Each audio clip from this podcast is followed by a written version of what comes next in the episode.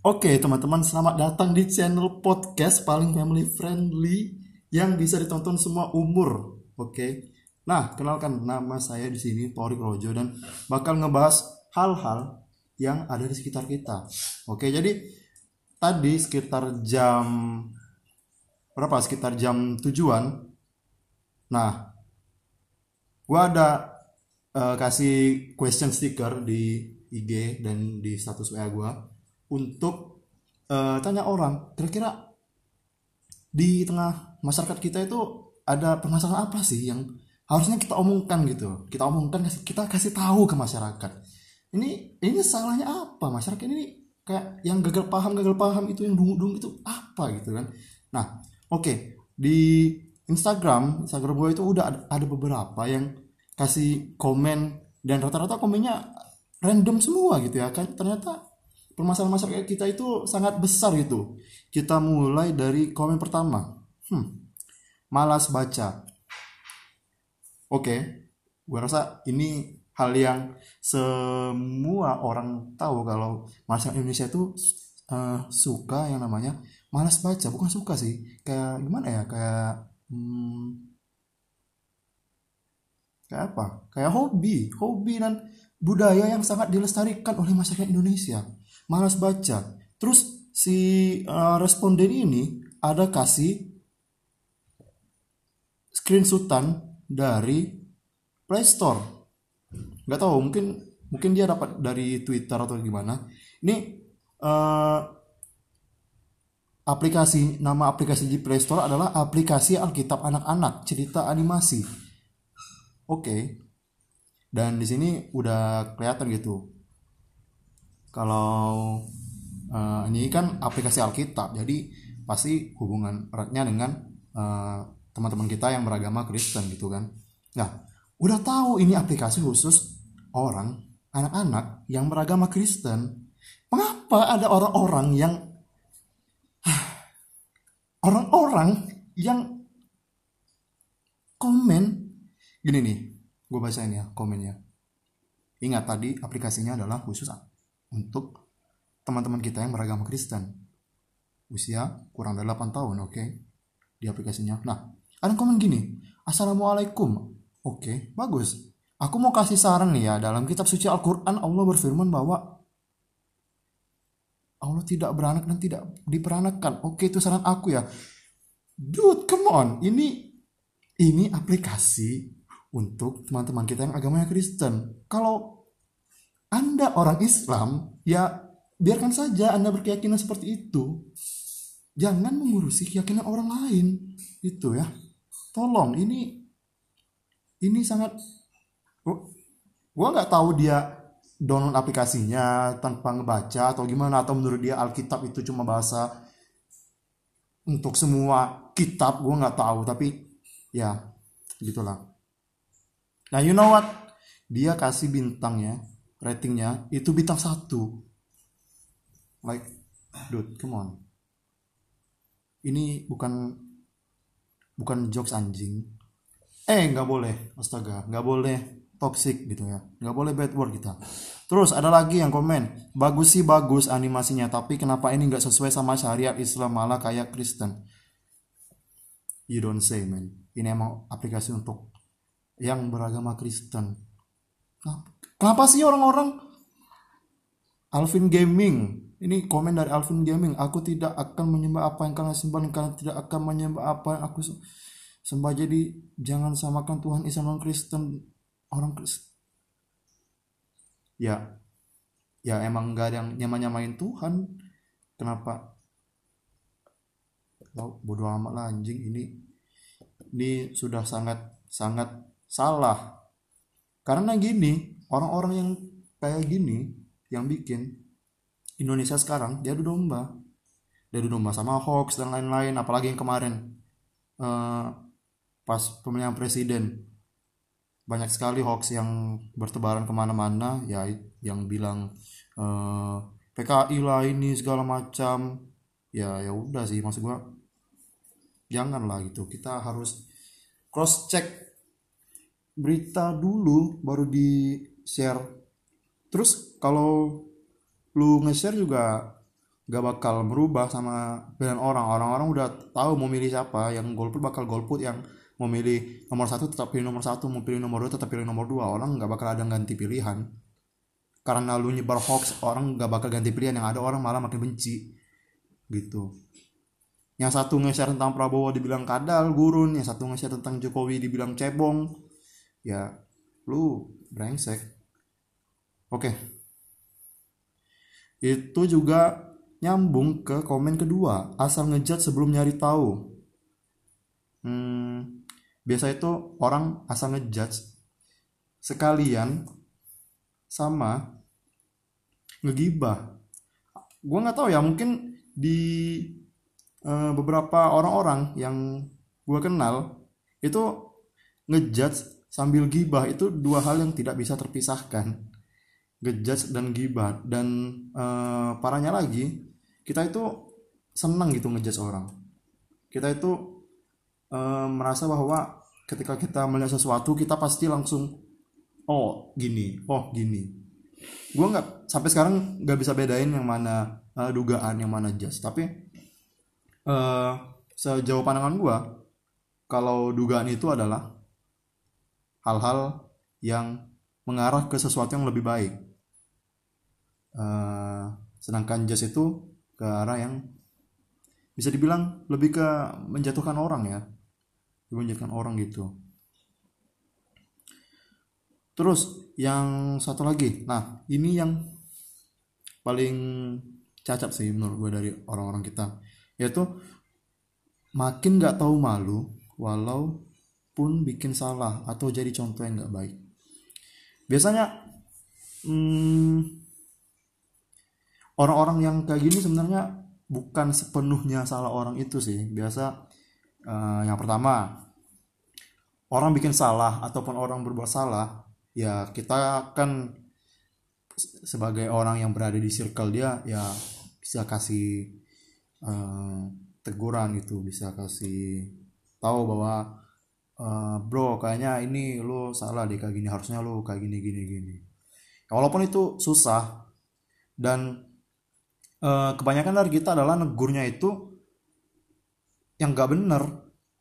Jadi ketika orang berbuat salah kita negurnya malah gak ditegur langsung ngomong langsung di depan ataupun di chat pribadi uh, atau kita ngomongin eh, kita kasih tahu orang terdekat dia biar orang terdekat dia yang menyampaikan uh, kebanyakan dari kita malah sekarang negur orang itu terang-terangan di depan orang banyak. Gitu. misalnya uh, si A bikin salah nih. Terus si B negur dia tapi di depan orang banyak. Nah itu kan malah bikin uh, si A ini malu gitu kan. Karena dia malu ya dia mempertahankan ya harga diri dia. Gue nggak mau dipermalukan di depan umum gitu. Terus masalah siapa kalau kayak gitu kalau gue harus milih itu salah B karena dia nggak ngegurnya di depan umum. Dan juga yang gue tahu ada beberapa orang yang lebih memilih negur orang lewat sindiran di sosmed. Ayolah itu sangat kekanak-kanakan bung. Lu udah oke okay lah kalau misalnya lu masih SMP masih uh, masih baru-baru lulus SMP baru-baru masuk SMA itu itu oke okay lah itu wajar jadi nyindir orang. Tapi ketika lu udah mulai dewasa ketika lu udah mulai kuliah udah mulai kerja nyindir itu sama sekali bukan sesuatu yang bagus bro. Serius deh. Kalau orang salah disindir itu rasanya sangat sakit. Gak enak sama sekali bro disindir. Lebih baik kasih tahu dia atau guru dia bener-bener sebaik apa pun yang lu nyindir supaya orang itu paham orang itu sadar itu nggak baik. Karena gini lu nyindir orang di sosmed belum tentu orang yang lu sindir itu ngeliat status lu gitu.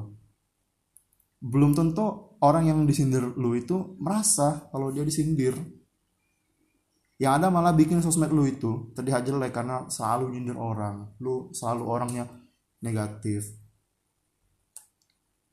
itu juga yang bikin uh, gua sebagai pengguna sosial media sebagai netizen budiman tuh merasa hmm, kalau ngeliat status teman-teman gua yang sifatnya menyindir uh, orang tertentu atau menyindir kelompok tertentu gua ngerasa kayak lu ngapain sih nyindir nyindir gitu?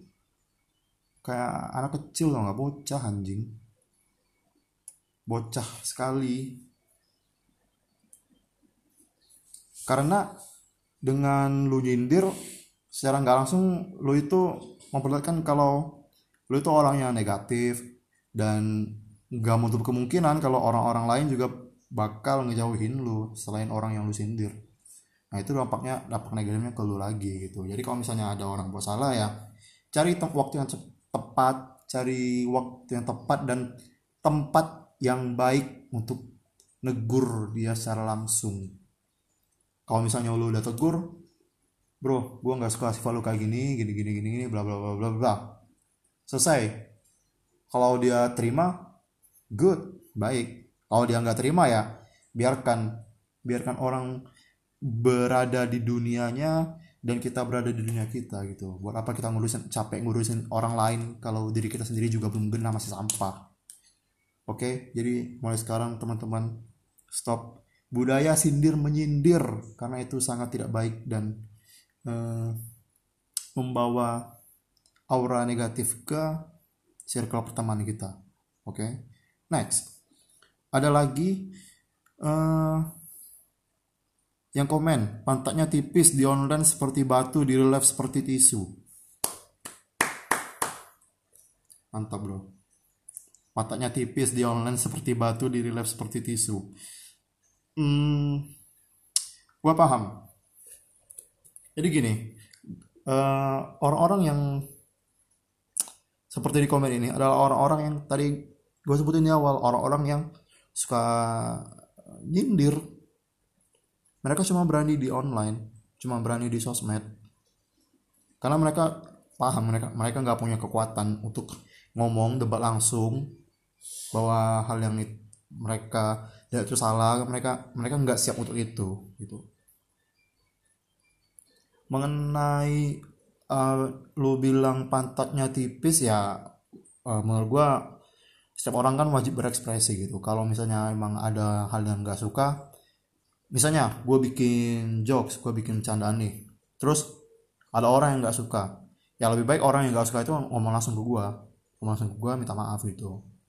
Ya gue ya gue gue langsung minta maaf sama orang yang tersindir karena jokes gue ataupun tersindir karena kata-kata gue tapi kan pasti jokes gue yakin jokes itu lebih banyak orang yang paham daripada yang nggak paham. Se banyak banyaknya orang jahat itu pasti lebih banyak orang baik. Jadi kalau misalnya lu bikin jokes dengan harapan ingin buat orang ketawa ya duit gak masalah biarkan orang-orang yang gak suka sama jokes lu uh, ngatain lu lu tinggal minta maaf sama dia karena orang yang tertawa itu lebih baik buat lu ketimbang orang yang hate oke okay?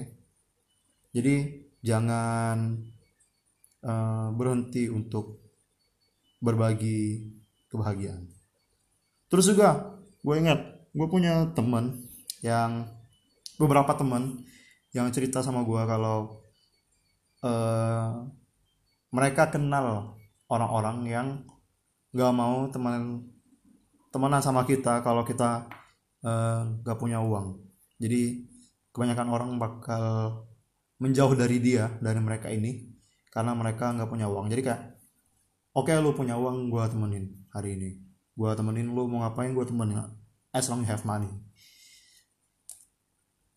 Dan gue gue paham anjir. Gue paham uang itu penting tapi untuk menentukan apakah lu akan berteman dengan seseorang dinilai dari ada atau enggaknya seseorang itu materi uang ya gue rasa nggak sama sekali.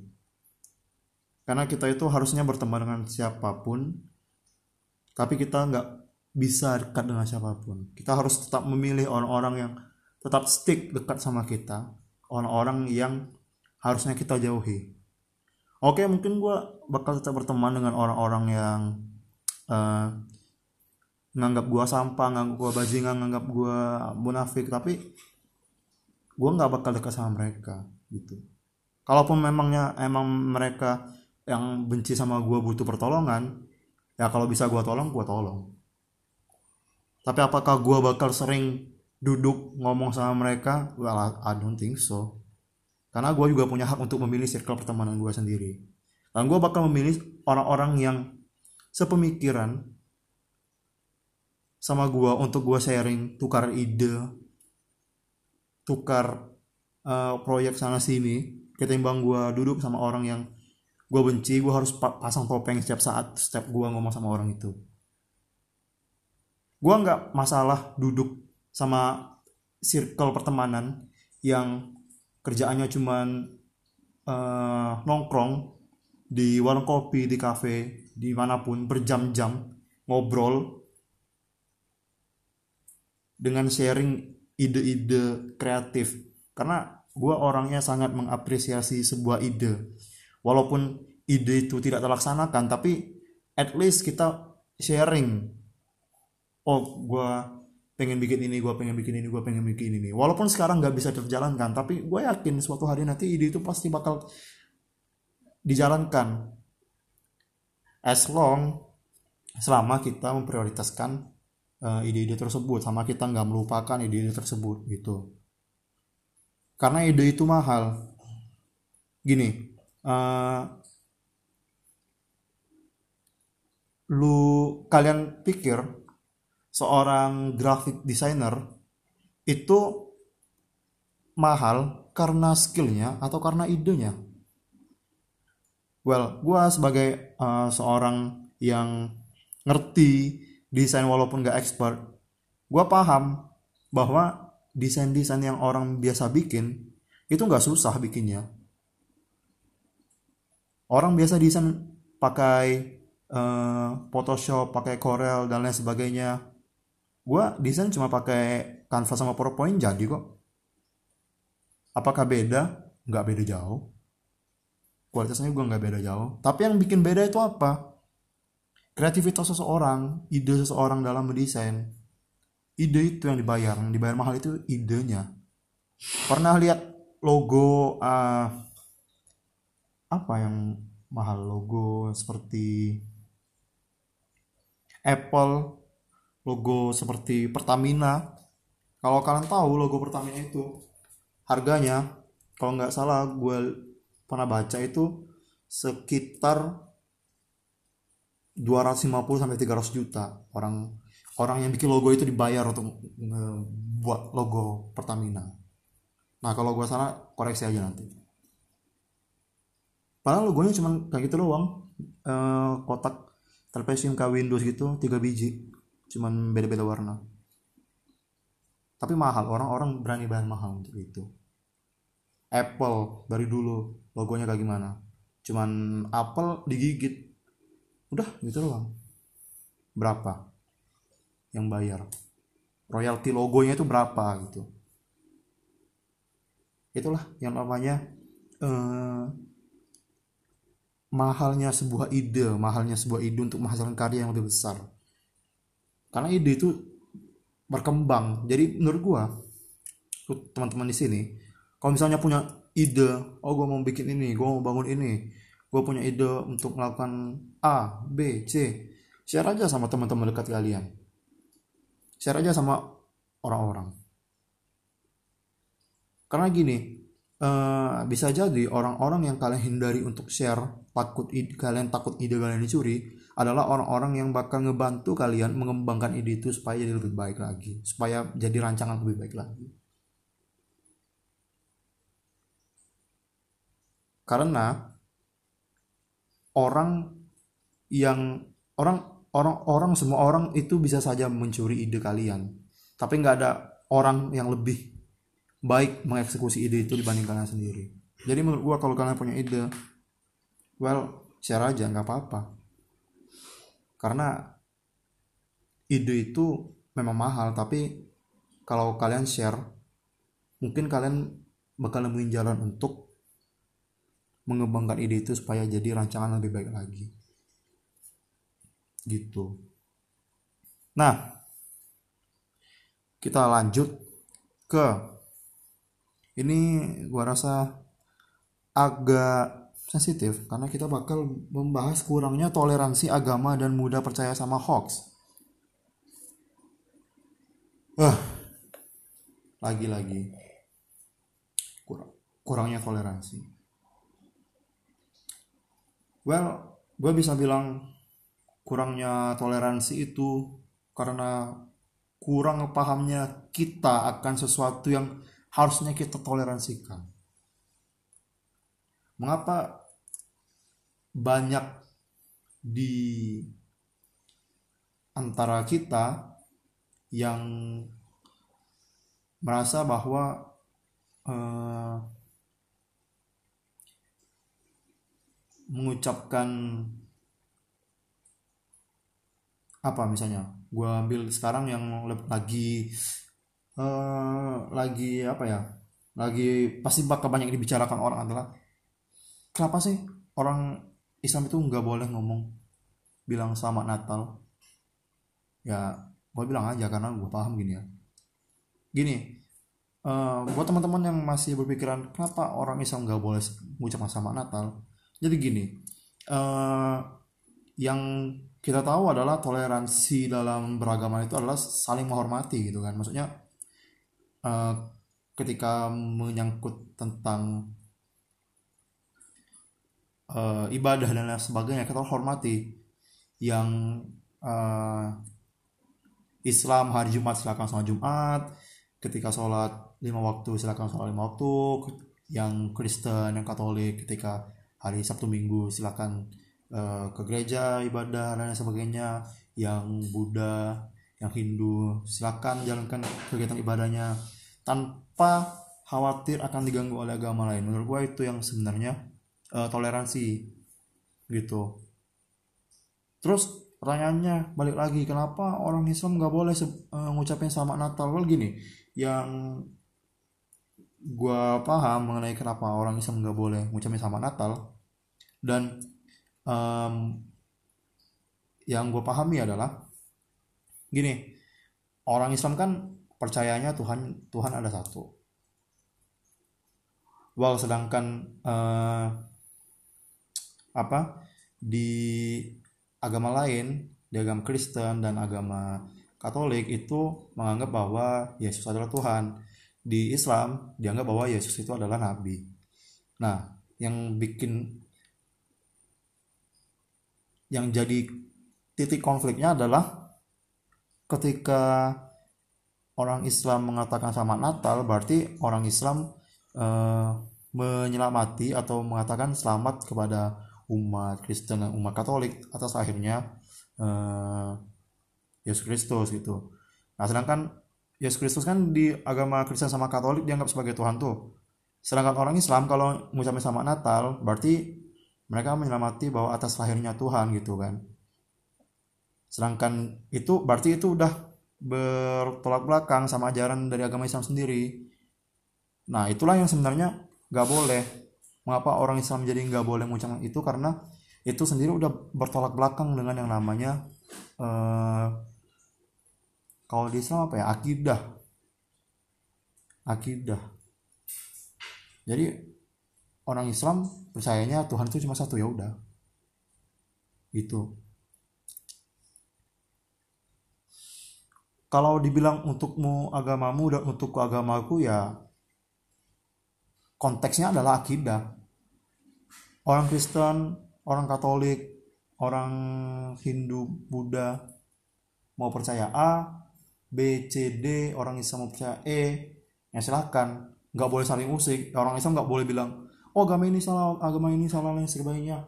Begitu pula dengan agama-agama yang ada di Indonesia.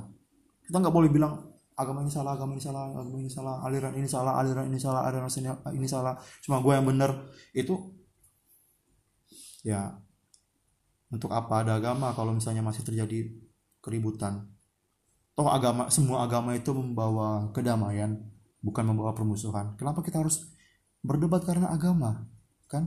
Masih banyak hal-hal yang harus kita urus. Masih banyak permasalahan di masyarakat yang harus kita luruskan. Kenapa harus mengurus agama orang lain?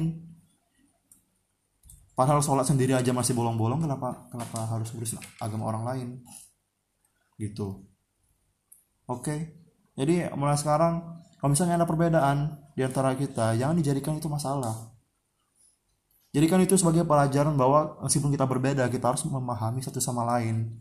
Kita harus paham bahwa oh agama ini kayak gini oh agama ini kayak gini oh agama ini kayak gini. Sehingga kita gak heran lagi kalau misalnya ada perbedaan yang sangat sangat berbeda atau bertolak belakang kita. Menurut kalian kenapa kenapa dulu terjadi perang? Perang ideologi kenapa? Ya karena orang-orang gak paham kan? Orang-orang dari sebelah kiri nganggap ideologi ini salah.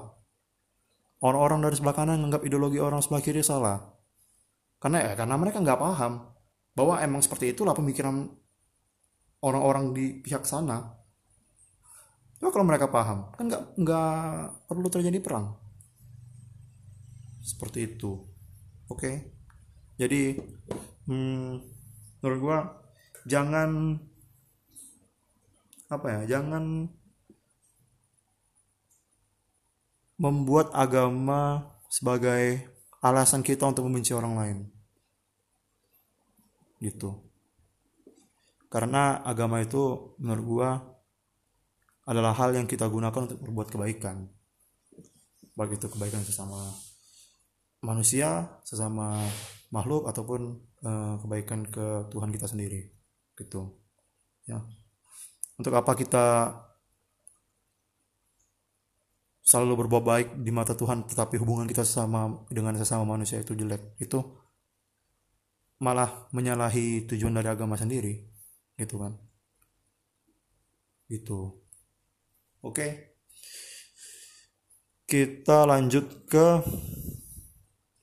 hmm, ngomongin tentang toleransi gue jadi ingat ada teman gue yang ngirim ini oke ini agak panjang jadi dia bilang orang Indonesia masih nggak tahu apa itu toleransi.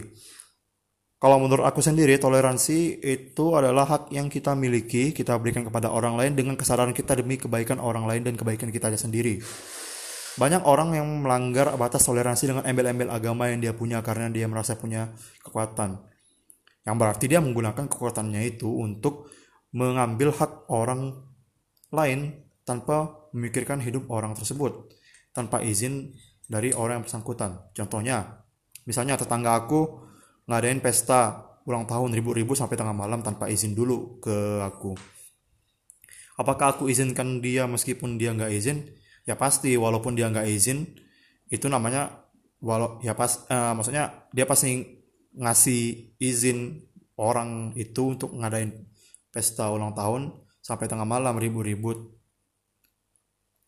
Gitu karena uh, itu rumah dia ya itu hak dia untuk menggunakan rumahnya. Tapi misalnya nih tetangga aku nikahan terus dia mau nutup jalan depan rumah aku. Terus dia harus izin dulu sama kita. Nah itu baru toleransi karena dia juga makai hak kita menggunakan jalan. Terus ya pasti kita kasih kita kasih dong kita kasih izin. Dengan sadar untuk apa? Kalau kita nggak kasih izin gimana dia mau uh, ngadain nikahan di depan rumah dia gitu. Nah itulah maksudnya. Uh, jadi gini maksud teman aku tuh gini ketika ada seseorang yang melakukan sesuatu terus uh, orang ketika ada orang ingin melakukan sesuatu tanpa mengambil hak kita kita ya kita harus izinkan. Karena kita nggak punya hak untuk melarang. Tapi ketika orang hak, me, mau melakukan sesuatu tetapi kira eh, kira-kira sesuatu itu melanggar hak kita ya orang itu harus izin dulu dan kita sebagai orang yang diminta izin kita kita harus izinkan apabila hal itu membawa kebaikan bagi orang banyak. Ketika kita nggak izinkan itu kalau itu malah membuat masalah ya itu kita yang goblok gitu. Itu malah bikin perpecahan lebih banyak lagi. Ketika kita nggak kasih izin ke orang yang ingin melakukan hal yang dia inginkan gitu. Kalau menurut aku toleransi itu yang penting ya sama-sama enak. Lu enak gue enak. Tanpa melanggar aturan ataupun norma-norma yang ada. Gitu. Terus uh, lanjut lagi. Ini gue rasa agak melenceng. Jadi dia bilang gini kenapa orang Indonesia nggak pede gunain bahasa Inggris. Yang aslinya mereka itu bisa. Hmm menurut gue ini kayaknya bakal dibahas di episode mendatang. Kenapa orang-orang di Indonesia nggak pede pakai bahasa Inggris? Padahal mereka sebenarnya bisa.